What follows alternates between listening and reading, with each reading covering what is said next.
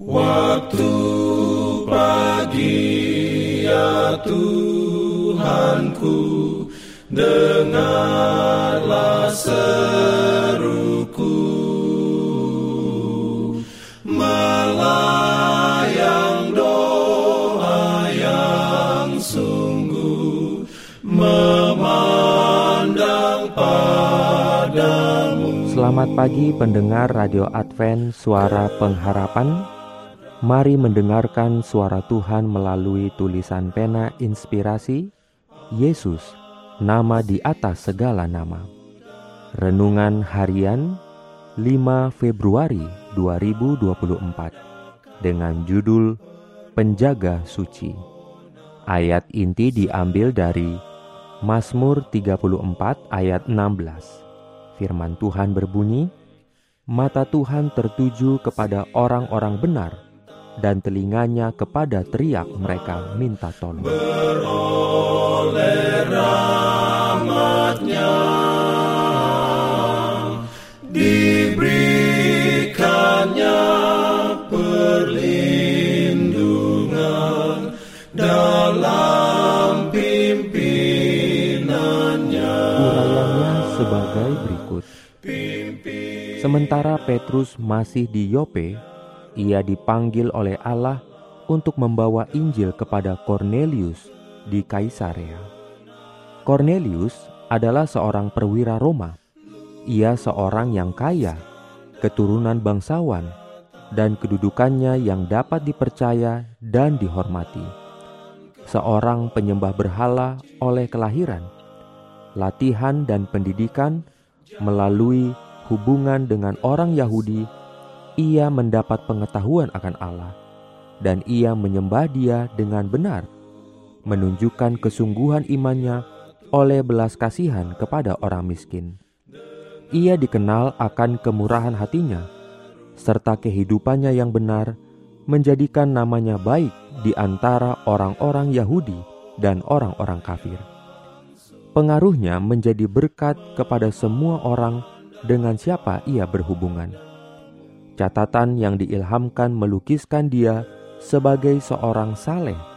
Ia serta seisi rumahnya takut akan Allah, dan ia memberi banyak sedekah kepada umat Yahudi dan senantiasa berdoa kepada Allah. Percaya kepada Allah sebagai halik surga dan dunia, Cornelius menyembah dia, mengakui kekuasaannya, mencari nasihatnya dalam segala urusan kehidupan ia setia kepada Allah dalam kehidupan di rumah tangganya dan dalam tugas-tugasnya yang resmi.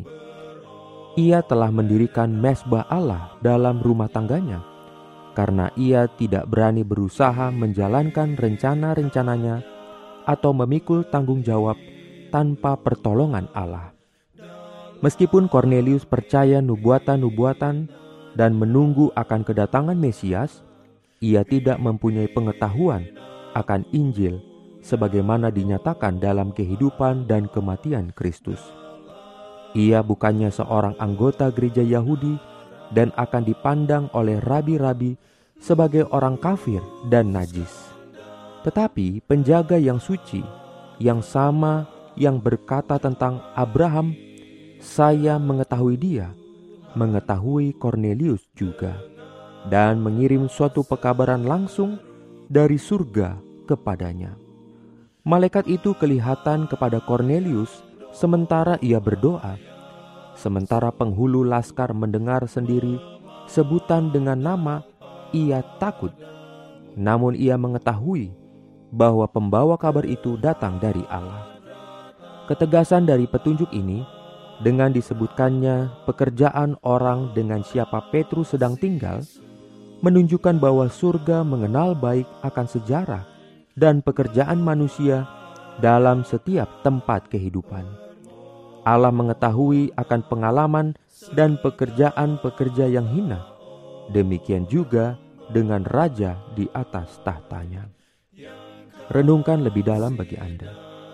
Siapakah di lingkungan saya yang mencari Tuhan dengan setia menunggu pesan khusus dari Tuhan yang mungkin Tuhan ingin sampaikan melalui saya? Diberi banyak perlindungan dalam pimpinannya. Pimpin aku. Jangan lupa untuk melanjutkan bacaan Alkitab sedunia. Percayalah kepada nabi-nabinya yang untuk hari ini melanjutkan dari buku Yeremia pasal 8. Selamat beraktivitas hari ini. Tuhan memberkati kita semua. Jalan kewajiban.